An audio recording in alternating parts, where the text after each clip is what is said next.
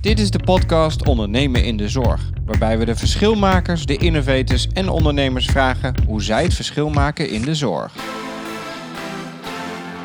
Ja, welkom bij aflevering 13. Ik ben Jetro Hardeman, eigenaar van het bedrijf innovatiestarters.nl, waar we zorgorganisaties helpen bij het starten, initiëren en realiseren van innovaties in de gezondheidszorg. En in deze podcast onderzoek ik de relatie tussen ondernemerschap en innovatie door succesvolle ondernemers in de zorg te vragen: welke lessen heb jij geleerd die cruciaal zijn voor andere ondernemers, verschilmakers en innovatoren in de gezondheidszorg? En in deze aflevering spreek ik met Anne-Sophie Schuurman. Iemand die ik vijf jaar geleden tegengekomen ben tijdens een dwarsdenkersbijeenkomst bij VWS. Ja, toen waren ze er nog. En nu inmiddels heeft ze het bedrijf Groei en Glunder opgebouwd. En dat een bedrijf wat gespecialiseerde ambulante gezinsbegeleiding biedt aan kinderen met een ontwikkelingsstoornis. En als je haar wat langer volgt, dan zie je dat de energie en lol door haar hele bedrijf gonst. Het is haar echt gelukt om haar visie op zorg te integreren met hoe ze werken met hun klanten. Ik vind het een mooi voorbeeld van ondernemerschap in het ingewikkelde en gefragmenteerde landschap van gemeenten. Echt een interessante aflevering waarin we het vooral hebben over olifantenpaadjes, aanpassen en doorzetten. Veel succes! Ehm, welkom uh, Anne-Sophie. Dankjewel. Hey, wat, wat mij eigenlijk gelijk opviel, daar wil ik gelijk mee beginnen, is dat uh, toen ik jou googelde, is dat jij zoveel plezier hebt in je werk.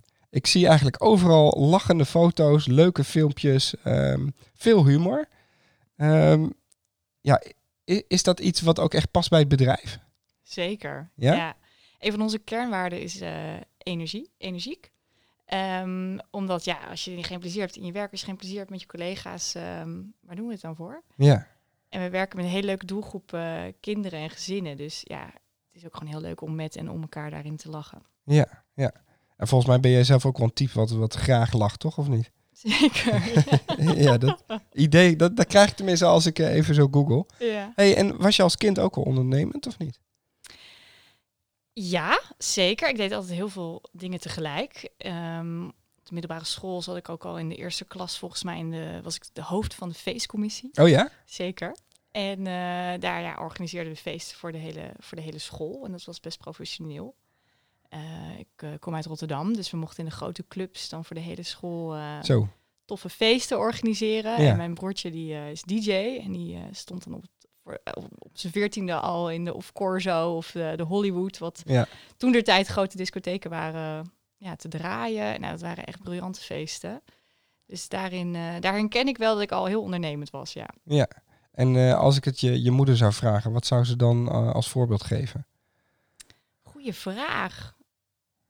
Geen idee eigenlijk. Um, heb altijd ook wel veel toneel gespeeld, dus veel op het podium gestaan. Um, en daarin uh, herkent mijn moeder denk ik wel dat, dat ik het heel leuk vond om met mensen bezig te zijn, voor mensen bezig te zijn, op het podium te staan. Um, nou ja, showtje op te voeren. dat vooral, ja. Precies. ja. Hey, en um, zijn er nou ook dingen die je toen hebt geleerd die je nu nog meeneemt in het ondernemen? Ja, mijn beide ouders zijn echt ontzettend positief en echte doorzetters, harde werkers. En dat zijn wel echt kenmerken waar iedereen die mij kent dat wel aan mij zal linken. Um, ik weet nog wel dat mijn ouders net uit elkaar waren en dat de eerste opmerking van mijn oma was... Um, maar je maakt wel je school af, hè? En je moet wel gewoon je huiswerk blijven doen. Ja, ja. Um, ja, en dat is iets wat ik echt onwijs uh, heb meegenomen en ook heel dankbaar ben daarvoor. Dat, dat, ja, dat die ethiek in ons gezin zo speelde. Ja. En net als dat, um, ja, mijn ouders vonden alles geweldig wat wij deden als kinderen. Dus we zijn altijd onwijs gestimuleerd in wees jezelf en ja, jij kan dit. Ja. Um, waardoor ik op het toneel ook de meest belachelijke rollen heb gehad, waarvoor de hele familie zich, althans mijn broertje vooral, zich schaamde. Maar ik heel veel plezier had en heel veel zelfvertrouwen in opbouwde. Dus dat zelfvertrouwen en dat harde werken en dat doorzetten is wel echt iets uh, waar ik mijn ouders voor mag bedanken. Ja. En is doorzetten dan iets wat je van nature al wel had? Of is het echt iets wat ook wel door de opvoeding, zeg maar, mee is, ge, mee is genomen? Um, ik denk beide. Uh, ik, ben, ik, was, ik, ik, ik heb altijd op school wel moeite moeten doen voor, voor goede cijfers halen. Ik haalde wel het goede cijfers, maar daar moest ik wel moeite voor doen. Ja. En uh, dat ging allemaal niet vanzelf, vanzelf. Dus ja, dat helpt denk ik wel in het leren doorzetten. Dat als je je best voor iets doet, dat, dat je het ook bereikt. Ja, ja. hey, en ehm, nou heb je nu eh, een bedrijf Groei en Glunder. Waarom is Groei en Glunder eigenlijk ontstaan?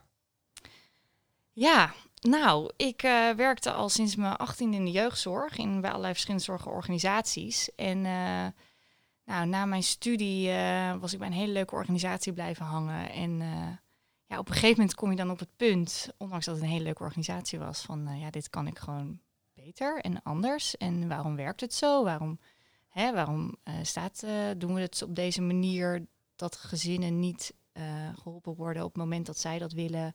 Waarom gaan we niet naar huis, maar moeten zij naar de organisatie toe komen? Ja.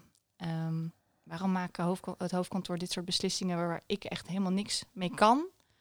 Nou, en toen dacht ik, ik ga het zelf doen. ja, en toen deed ik het zelf. En eh, toen kwamen er zoveel aanvragen mijn kant op. En dat was in de tijd van de Ubers en Airbnb's. Dat ik dacht, ja, hè? Eh, waarom gaan we dan niet zorgen dat ouders makkelijker hulpverleners kunnen vinden? Ja. En toen ben ik eh, dus Entijs gestart, dat online platform. Ja, wat kun je daar iets over vertellen? inderdaad? Wat was het moment dat je dacht, dat ga ik starten? Nou, ik denk dat ik een halfjaartje bezig was en eh, ik eh, kreeg eh, nou, ja, zoveel aanvragen en alle ouders reageerden met van jeetje, eindelijk hebben we je gevonden, we hebben zo lang gezocht. En ik herkende het natuurlijk zelf ook wel vanuit de jeugdzorg dat het gewoon een onwijs ingewikkelde sector is om je weg in te vinden als Ja. gezin of, of jongeren om, om hulp te krijgen. Dus toen dacht ik in het tijdperk dus van de Airbnb's en Ubers, ehm, ja, waarom maken we niet een online platform waarbij ouders zelf op zoek kunnen gaan naar een hulpverlener voor hun kind en waarin we dus ja, het eh, zoeken, vinden en matchen mogelijk maken. Ja. En dan, dan heb je zo'n idee en dan zie je inderdaad al die Airbnb's eh, opstarten. Wat is dan de eerste stap die je zet? Hoe begin je dan? Ja, nou, ik ben wel iemand, eh, al, ik, ik vind het echt heerlijk om eh, zeg maar door te pakken. Dus eh, eigenlijk vrij snel had ik een compagnon gevonden die eh, een, een developer was, die helemaal into de ICT was. En met hem eh, vrij snel besloten, oké, we gaan dit samen doen. En hij heeft toen in een half jaar zo'n platform eruit gestampt. En ik ben eh, overal gaan vertellen waar, dat we er waren, dat we er zijn. Ehm, heel veel prijzen gewonnen, heel veel media-aandacht gehad. Ehm, en toen konden we van start. Ja. En ehm, liep het dan altijd op rolletjes? Het was een onwijze rollercoaster. Dus we, Ja. hè, in die periode dat hij aan het bouwen was en ik overal daar op de bühne stond, eh, nou, dan eh, word je bejubeld en dan denk je, jeetje, de hele wereld zit hierop te wachten. En dan langzaam bij beetje kom je erachter van, oh ja, leuk zo'n online innovatie, maar ehm, ja, het gemeentelijk apparaat werkt toch een beetje ingewikkelder. Dus eh, toen kwamen we erachter dat het aanbod wat we op het platform wilden laten zien, hulpverleners aan ons teruggaven. Ja, super vet idee, maar we hebben een budgetplafond. Eh, we hebben al een wachtlijst van een half jaar. We willen helemaal niet online zichtbaar zijn, want dan krijgen we een nog langere wachtlijst. Ehm, de geme- dus gingen wij naar de gemeente en toen zei de gemeente, eh, ja, maar dit willen we helemaal niet. Eh wij hebben zelf ook al een platform. En toen ging de gemeente zijn eigen platform opeens Oh, weer ja. nieuw leven inblazen. Sam Amsterdam. En ehm, nou, dat waren wel de eerste hobbels waarvan wij dachten, hmm. Toen Ja. kwam de aanbesteding. Toen merkten we, oh wacht, nu zijn deze hulpverleners ingekocht. Dan zijn dadelijk ehm, weer andere hulpverleners ingekocht. Het is toch iets ingewikkelder dan eh, we van tevoren dachten. Ja. Ehm, En wat doe je dan op zo'n moment? Ehm, nou ja, ik was vooral heel boos toen en gefrustreerd. En die woede heb ik uiteindelijk omgezet in eh, een constructie- constructievere wijze. En eh, toen bedacht, nou, als ik niet via mijn eigen online platform een offline community kan opbouwen aan hulpverleners en ouders, ga ik het andersom doen. Dan ga ik eh, met Groen Glunder, de organisatie die ik ook nog steeds had, eh, zorgen dat wij zo groot worden dat we onze eigen onli- online innovaties kunnen pushen. Ja, Nou, en zo gezegd, zo gedaan. ja cool. Hey, en eh, wat doet Gro- Groei en Glunder dan precies? Nou, wat we doen is dat we bieden specialistische jeugdhulp in de vorm van ambulante gezinsbegeleiding, schoolbegeleiding en eh, gespecialiseer- gespecialiseerde groepsbegeleiding. En daarin eh, nou ja, werken we vanuit de methodes van geweldloos verzet en oplossingsgericht werken. Nou, dat is wat we doen. Eh, bij ons gaat het er vooral om hoe we het doen en waarom we het doen. Nou, onze missie is om de weg naar duurzame jeugdzorg vrij te maken. En dat klinkt wat scriptisch. Ehm, maar wat we daarmee bedoelen is dat in ja, de huidige markt is een, de jeugdzorg is een complexe markt. Ja. Het is een ouderwetse markt met veel grote, ja, toch wel logge organisaties ehm, die ja, heel politiek functioneren. Omdat ja, in de jeugdzorg moet je worden ingekocht, er zit een aanbesteding aan vast. Beleid, en dat wordt door de politiek beleid, eh, bepaald. Ehm, nou, en wat wij met Groen en Glunder proberen is om binnen die onwijze jungle aan politiek beleid, protocollen en, en grote logge organisaties het olifantenpaadje te vinden. Waarin wij met onze manier van werken eh, ja, mensen kunnen inspireren en een voorbeeld kunnen zijn. Nou ja, hoe doen we dat dan? Ehm, eigenlijk door dat we niet akkoord gaan met de, nou ja, de, de, de, de status quo. We willen namelijk het anders doen. Hoe doen we het anders? Dat doen we door de hele simpele dingen. eh, gewoon eh, door bereikbaar te zijn. Voor heel veel ouders die krijgen helemaal niet überhaupt niet hun hulpverlener te pakken. Want ja, die zijn aan het hulpverlenen. Hm. Laat staan ehm, eh, andere mensen in de organisatie. Wij zijn bereikbaar. Binnen een dag word je altijd teruggebeld eh, door een zorgverlener. Eh, bij ons heb je inzicht in je eigen dossier. We hebben gewoon ons eigen elektronisch cliëntendossier gebouwd. Dus ouders kunnen ten alle tijden zien welke plannen, rapportages we over hun schrijven, met hun schrijven uiteraard. Eh, kunnen ook altijd de juf, de buurvrouw, de opa en oma toevoegen aan dit dossier om mee te kunnen kijken. Ehm, we komen naar de gezinnen toe. Dus in plaats van dat gezinnen naar een organisatie toe moeten komen op een tijdstip dat het hen schikt, eh, ja, doen wij dat andersom. Ja. Kost af en toe best wel wat moeite, maar het lukt ons wel. Ja. Heel belangrijk, we hebben geen wachtlijst. Dat is echt een unicum in de zorg. Ehm, nou, dat kunnen we doordat we heel erg schaalbaar zijn opgezet. Eh, we kunnen heel makkelijk op- en afschalen door de manier hoe we georganiseerd zijn. Kleinschalig, eh, met een grote flexibele schil om dat te kunnen bewerkstelligen. En we vinden het super belangrijk dat ouders zich gezien en gehoord voelen. Nou, dat vindt natuurlijk iedere organisatie belangrijk. Maar wij proberen dat wel te doen door nou, een stukje persoonlijke zorg te leveren. En dan bedoel ik niet dat we op de thee gaan zitten ehm, leuten op een verjaardag. Maar door, ehm, nou ja, doordat we eh, persoonlijke nieuwsbrieven sturen, een kaartje als je jarig bent. eh, op de back-office hebben ze meteen inzicht in wie belt en, en, en, en wat daar in de geschiedenis is qua vragen. Dus ja, we hebben hele korte lijnen binnen de organisatie en ook met onze cliënten. Ehm, ja, omdat we willen dat mensen zich gezien en gehoord voelen. En dat doen we niet alleen naar de cliënten toe of naar onze gezinnen toe, maar ook naar onze collega's. Dus er moet niet alleen groei en ontwikkeling voor cliënten, gezinnen zijn, maar ook voor, eh, ja, voor Ja. collega's. Ja, en eh, weet je, het klinkt heel, eh, heel normaal eigenlijk ook. Hè? Ja. Dat, eh, en toch zet je het neer als van ja, maar dit is echt wel iets wat, waar wij, waarin wij onderscheidend zijn. Mhm. Wa- Wat maakt nou dat eh, andere organisaties dat dan soms wel zeggen, maar niet kunnen? Ja, goede vraag. Voor mij zit dat hem in de manier hoe organisaties georganiseerd zijn. Ehm, doordat je kleinschalig georganiseerd bent, je hoeft niet klein te zijn, maar je kan wel kleinschalig georganiseerd zijn, zijn je lijnen veel korter. Dus er is een aanspreekpunt op de back-office, er is een aanspreekpunt voor de aanmeldingen. Eh, en, die weten men, en men weet elkaar daar ook in te vinden. En ik denk dat in het huidige systeem organisaties zo groot zijn geworden en zo log, ehm, dat men die vorm van organiseren niet makkelijk kan bewerkstelligen. Eh, plus, de jeugdzorg is gewoon een super verander- veranderlijke sector. Eh, doordat er telkens een nieuwe aanbesteding is, doordat er nieuw beleid is, doordat er geldtekorten zijn, waardoor je continu je processen moet aanpassen. Nou, dat is natuurlijk bij een kleinschalige organisatie veel makkelijker dan bij een grote organisatie. Als ik ehm, hier in deze regio's willen, heb je een bepaalde hoofdonderaannemerschapconstructie. Nou, als wij ehm, met een hoofdaannemer, dus een andere organisatie, eh, gaan samenwerken. Zij zetten ons in om eh, nou ja, een stukje van de zorg te doen. Ehm, nou, dat leg je dan vast in een contractje. Nou, in het slechtste geval schakel ik met de hoofdbehandelaar over welke doelen er moeten worden behaald. Met de afdeling financiën welke tarieven erin mogen staan. Met de afdeling administratie, eh, wat dan het debiteurennummer is. Nou, in het allerergste geval is- moet je dan ook nog ehm, de chef eh, onderaannemer, spre- onderaannemer spreken. Omdat, eh, nou ja, als er problemen zijn met de NOK, omdat er een betaling niet goed gaat na de overeenkomst. Ehm, ja, nou ja, Ja, dat, dat, allemaal dat hoor je al. Ja, dat, afdelingen die niet met elkaar communiceren. en dat maakt het dus lastig. En ehm, zijn jullie in die zin dan anders georganiseerd? Dus veel meer in een soort cellen, wat je zegt van hè, de kleinschalig organiseren in plaats van kleinschalig zijn. Ja, Ehm, eh, is, is, dat, is dat ook schaalbaar? Of ja. komt er een soort momentum dat je zegt, ja, maar boven de zoveel honderd medewerkers moeten wij ook gaan centraliseren? Ik denk dat dat echt de valkuil is om dat te gaan doen. Ehm, ik heb heel veel gehad aan het boekje van Eckhart Tolle over, eh nou ja, wat je zegt, het, de, cel, de celdeling.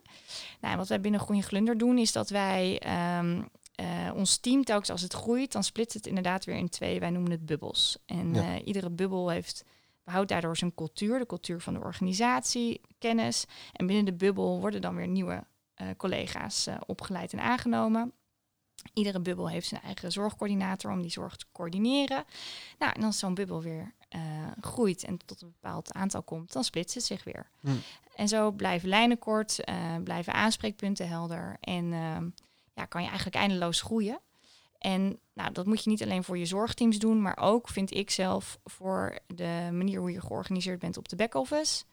Ehm, ja, als je op een gegeven moment een bepaalde omvang bereikt binnen eh, een stad of een gemeente of een regio, ja, dan moet je zorgen dat je de back-office niet eh, tien mensen in, Nee. eh, op het, ja, we noemen dit het clubhuis, op het clubhuis hebt te zitten, maar hè, dat er eh, nou, twee mensen van de back-office in de regio zitten. In Gewoon Vecht zijn we ook ingekocht. Nou, bij Gewoon Vecht, zodat die mensen ook een aanspreekpunt hebben voor Gewoon Vechtstreek. Ja. Ehm, ja, en zo behoud je korte lijnen, blijf je kleinschalig georganiseerd en kan je die persoonlijke zorg waar blijven maken.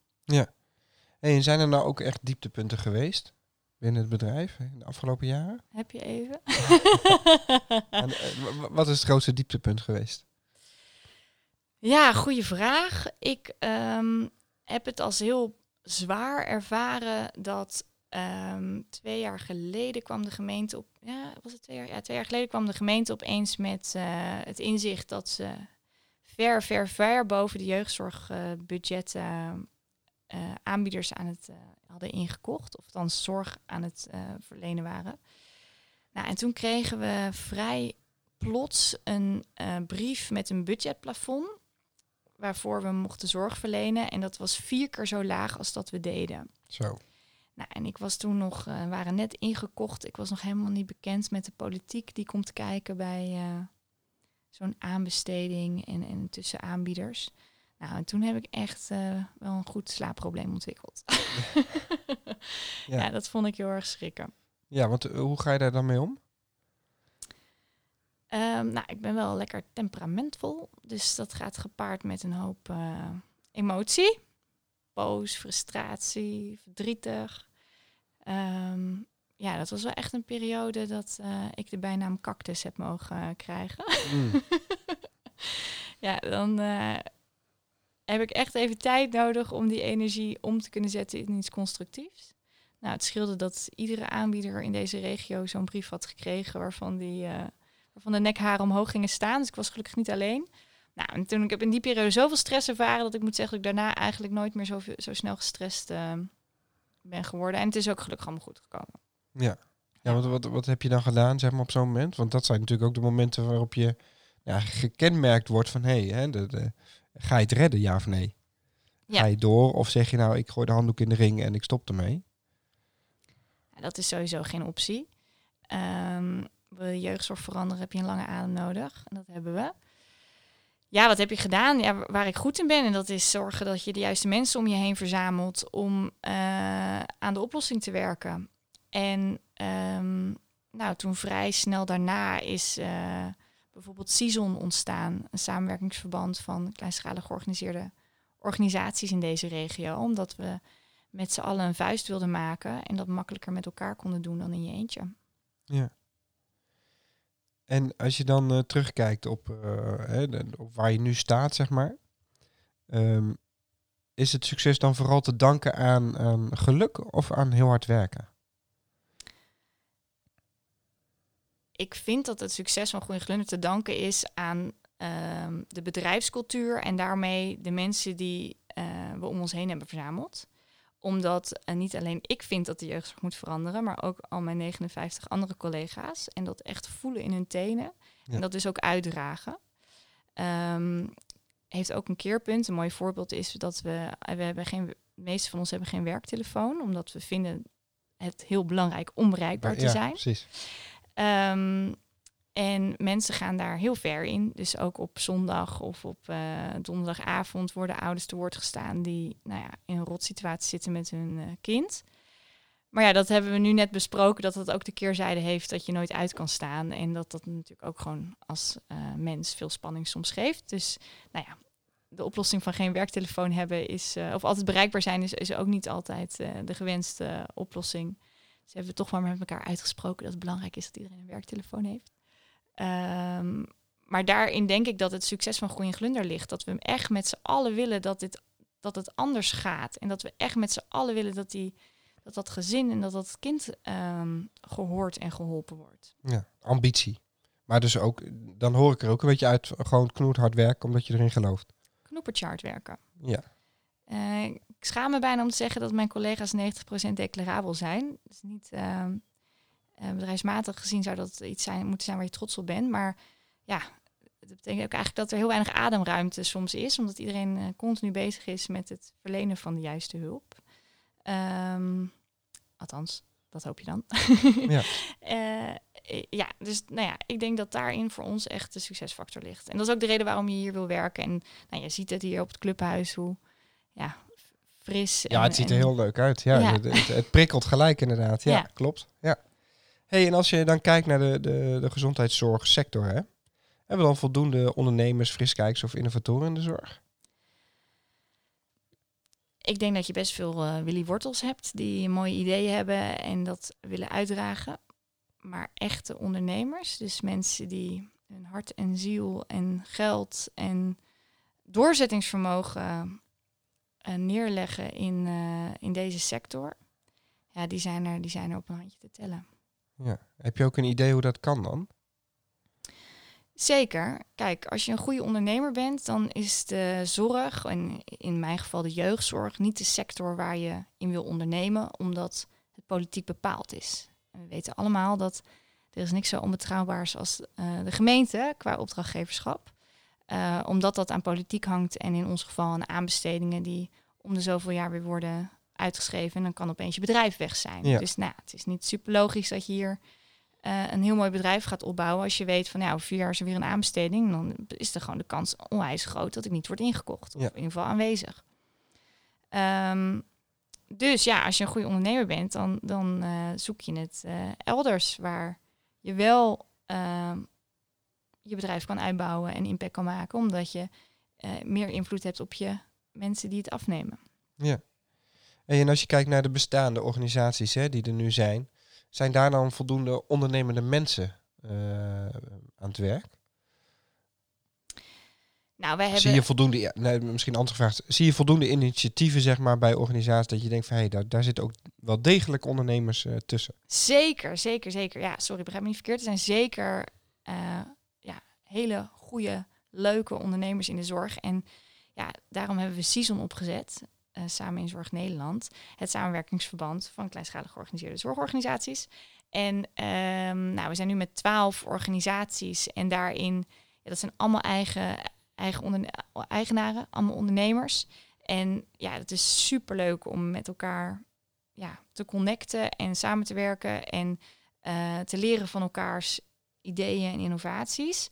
Ehm, en daarin vind ik echt dat, je, dat er echt best wel wat mensen rondlopen die, nou ja, ja, hetzelfde zijn als wij. En die daarin echt een stap vooruit zijn als het Ja. gaat om die zorg te willen veranderen en ehm, ja, te vernieuwen. En ergens tikte je het net al aan, hè, dat, dat er volgens mij nog wel verschil is tussen innovatoren en, eh, of zoals jij het noemt, de Willy Wortels en de ondernemers. Zeker. Ehm, i- is er nog wel plek voor de Willy Wortels in de zorg? Ik denk dat je de Willy Wortels nodig hebt bij de grotere organisaties waarin processen nou eenmaal langzamer gaan ehm, en waarbij het dus ook langer zal duren eerder een beweging op gang komt. Er is een bepaalde bedrijfscultuur. Ja, dan heb je wel een aantal van die vernieuwers of Willy Wortels nodig in een organisatie die gewoon blijven vertellen waarom het belangrijk is dat een cliënt online inzicht heeft in zijn in zijn elektronisch cliëntendossier. Of waarom het belangrijk is dat je niet meer via een vragenlijst een tevredenheidsonderzoek doet, maar gewoon lekker via een appje of online. Daar zijn zoveel mogelijkheden voor. Dus ik denk dat in de grotere organisaties dit soort types ja, onmisbaar zijn eigenlijk. Ehm, maar wat je volgens mij in het begin ook al zei, je hebt de, de, het management nodig om te kunnen vernieuwen. Ja. Want die moeten uiteindelijk die mensen, die willen wortels wel ruimte geven om ehm, dingen door te kunnen voeren. Ja. Waarbij het misschien ook de vraag is of, eh, of die willen wortels zeg maar alles in huis hebben zeg maar, om, eh, om ook de volgende stap te zetten. Of dat je dan misschien moet kijken naar wat voor team heb je dus nodig. Ook, ja, zeker. Hey, ik heb je ook gevraagd om, eh, om een persoonlijkheidstest in te vullen, omdat ik gewoon heel graag wil weten eigenlijk van goh, hoe zit je nou in elkaar. Ehm, en er waren een aantal dingen die opvielen. Eh, er kwam in ieder geval naar voren dat je erg ruimdenkend en fantasierijk bent. Ehm, eh, helpt dat bij het ondernemen of hindert het je ook wel eens? Nee, het is, eh, ik zie nooit problemen. Ik zie altijd ja, de mogelijkheden en de oplossingen. Dus dat helpt enorm. Ehm, collega's worden er af en toe gek van, want die denken natuurlijk, ja, leuk dat je daarheen wilt, maar hoe? En ik denk, nou ja, gaan we gewoon doen. We merken het wel. Dus nee, dat is wel, eh, ik ben blij met die eigenschap. En, en eh, helpen je collega's inderdaad ook om dat een beetje in toom te houden? Of ga je gewoon lekker alle kanten op? Eh, beide. Ehm, dus ja, collega's die, ja, ze, af, die, moet, die zeggen dan van oké, leuk dat we dit gaan doen, maar hè, ehm, hoe gaan we dit dan doen? En wie gaat wat doen? En welke stapjes moeten we nemen voordat we daar zijn? Die sla ik nog wel eens over. En ehm, dus dat helpt wel, wil je iets constructiefs neerzetten. Eh, en aan de andere kant, ehm, ja, ben ik ook een beetje unstoppable en eh, moeten we gewoon door. Dus nu in coronatijd, eh nou ja, dan heb ik mijn tijd ook besteed aan weer een nieuw bedrijf opzetten. En nou ja, daar zijn we echt alweer behoorlijk ver mee. Dus het maakt ook wel dat je je energie... ehm, Een soort van verlegd of? Ja, precies. Hey, je je bent dus heel erg van het, eh, het gaan en creatief. Eh, hoe ga je dan om met de bureaucratie in eh jeugdhulpland? Ja, Ik kan me voorstellen, hè, wat je al vertelt, dat is toch een ingewikkeld speelveld, veel politiek. ja. Ja, hoe ga ik daarmee om? Ik ehm, vind dat heel moeilijk. Ik snap het ook niet altijd. Dan gebeuren er dingen en dan denk ik, wat, wat, wat, wat ik, ik snap het niet. Nee, heb ik wat gemist? ik heb iets gemist, maar ik weet niet wat. Ehm, dus ik laat me, ik heb de mensen om me heen verzameld die me daar wat meer bij kunnen helpen ondertitelen. En dat helpt. Eh, en het helpt ook dat ik het niet in mijn eentje hoef te doen, omdat we met Sison wel echt samen, ja, samen dit eh, nootje proberen te kraken. Ja. Is dat ook een soort les inderdaad als ondernemer, dat je vooral moet weten welke mensen je om je heen moet verzamelen? Ik denk het wel, want het is een illusie dat je in alles goed bent. En eh, hoe langer je onderneemt, hoe beter je weet waar je wel niet goed in bent. En eh, hoe beter je ook weet dat als je zelf in je kracht staat, ehm, je dus specifieke, specifieke zaken echt niet zelf moet doen. Want daarmee eh, nou, haal, je, haal je jezelf of anderen alleen maar onderuit. Ehm, dus dat zou ik zeker mensen wel aanraden. Weet, weet wat je kan en weet wat je niet kan. Hey, en eh, je scoort ook hoog op gewetensvolheid. Eh, wat betekent dat je gedisciplineerd, zorgvuldig en nauwkeurig bent. Eh, is dat een vereiste om te ondernemen in de zorg? Ja. Waarom? Nou, omdat er zijn, je komt eerder tien hobbels tegen dan, ehm, eh, dan, dan de, de mooie oprijlaan waar je zo Door kan, zeg maar. door Ja. kan. Ja. Ehm, dus daarin is het wel echt belangrijk om continu weer nou ja, voor jezelf bedenken: oké, wat was ook weer onze missie? Oh ja, daar willen we heen. Ehm, nou, oké, dit gaan we dus even slikken. En hoe gaan we weer verder? En wat is dus dat olifantspa olifantenpaadje om deze hobbel weer heen te komen? Ehm, ja, daarvoor moet je wel gedisciplineerd zijn.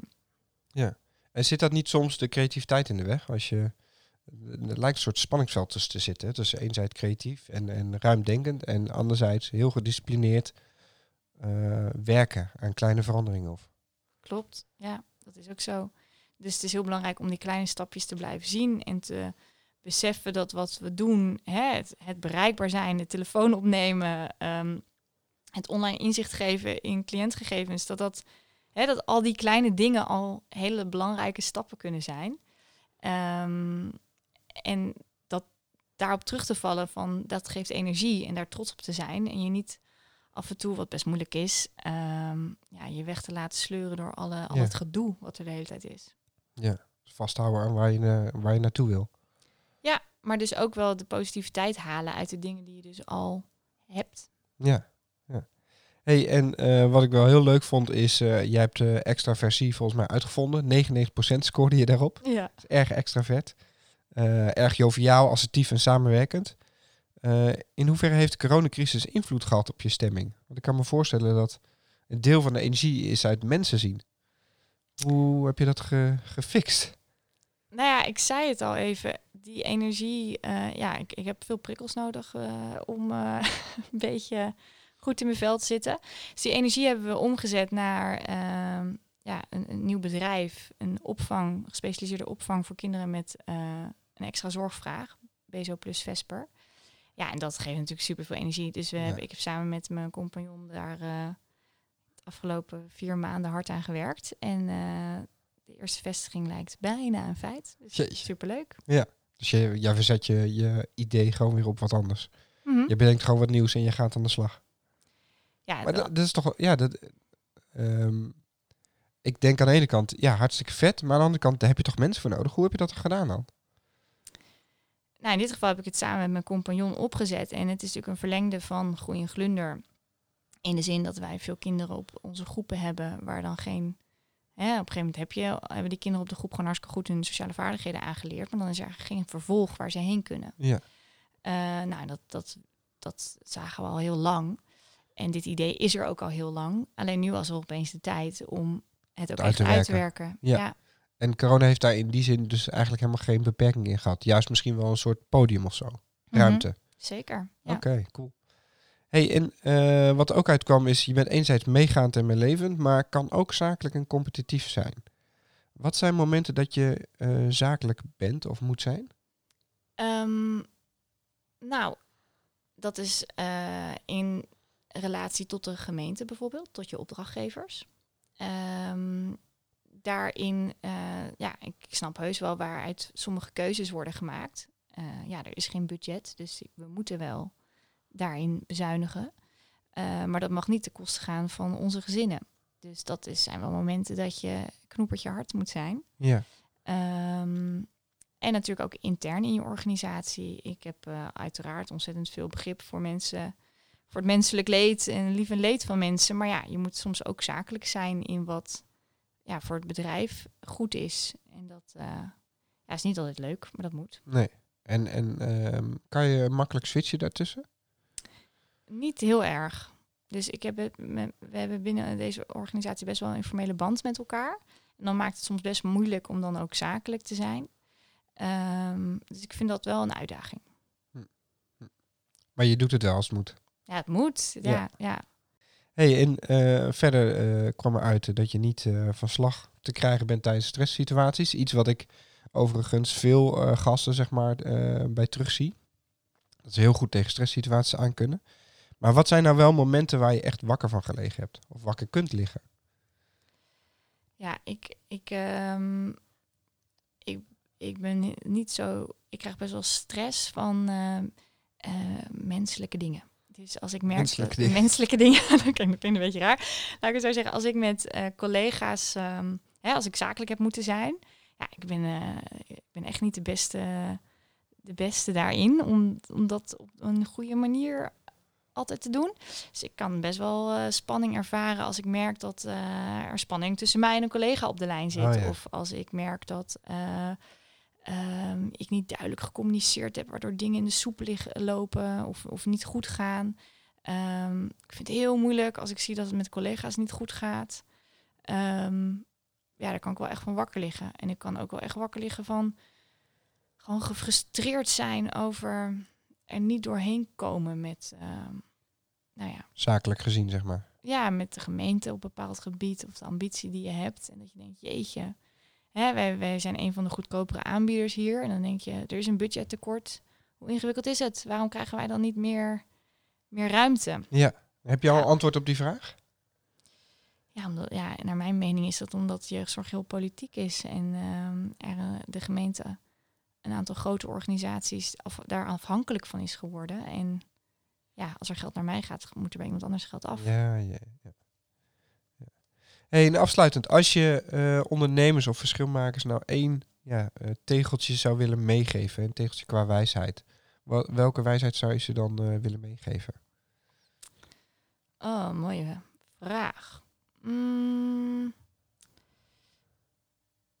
Nou, ik denk dat je de golven... Golven kan je niet stoppen, maar je kan er wel op leren surfen. Mooi. Kun je dat uitleggen?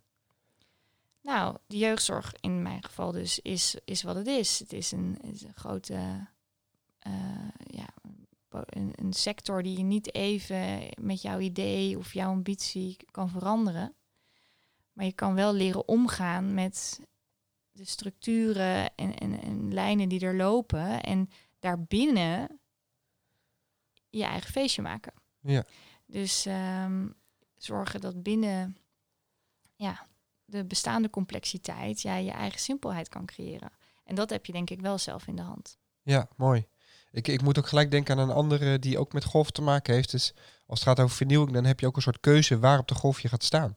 Hm, ja. Als je heel erg voor op de golf staat, dan ben je wel een van de eerste, maar ook het grootste risico dat je er afvalt. Ja. Eh, zit je er achteraan, heb je, heb je het risico eigenlijk dat je geen tractie meer hebt. Mhm. Dat je stil komt staan. Dus ergens midden op die golf blijven is gewoon altijd de uitdaging. Ja. Eh, Mooi. hey, ehm, als mensen jou nou eh, willen volgen of het bedrijf, waar kunnen ze jou dan het eh, beste vinden? God, ja, op LinkedIn. Bij God?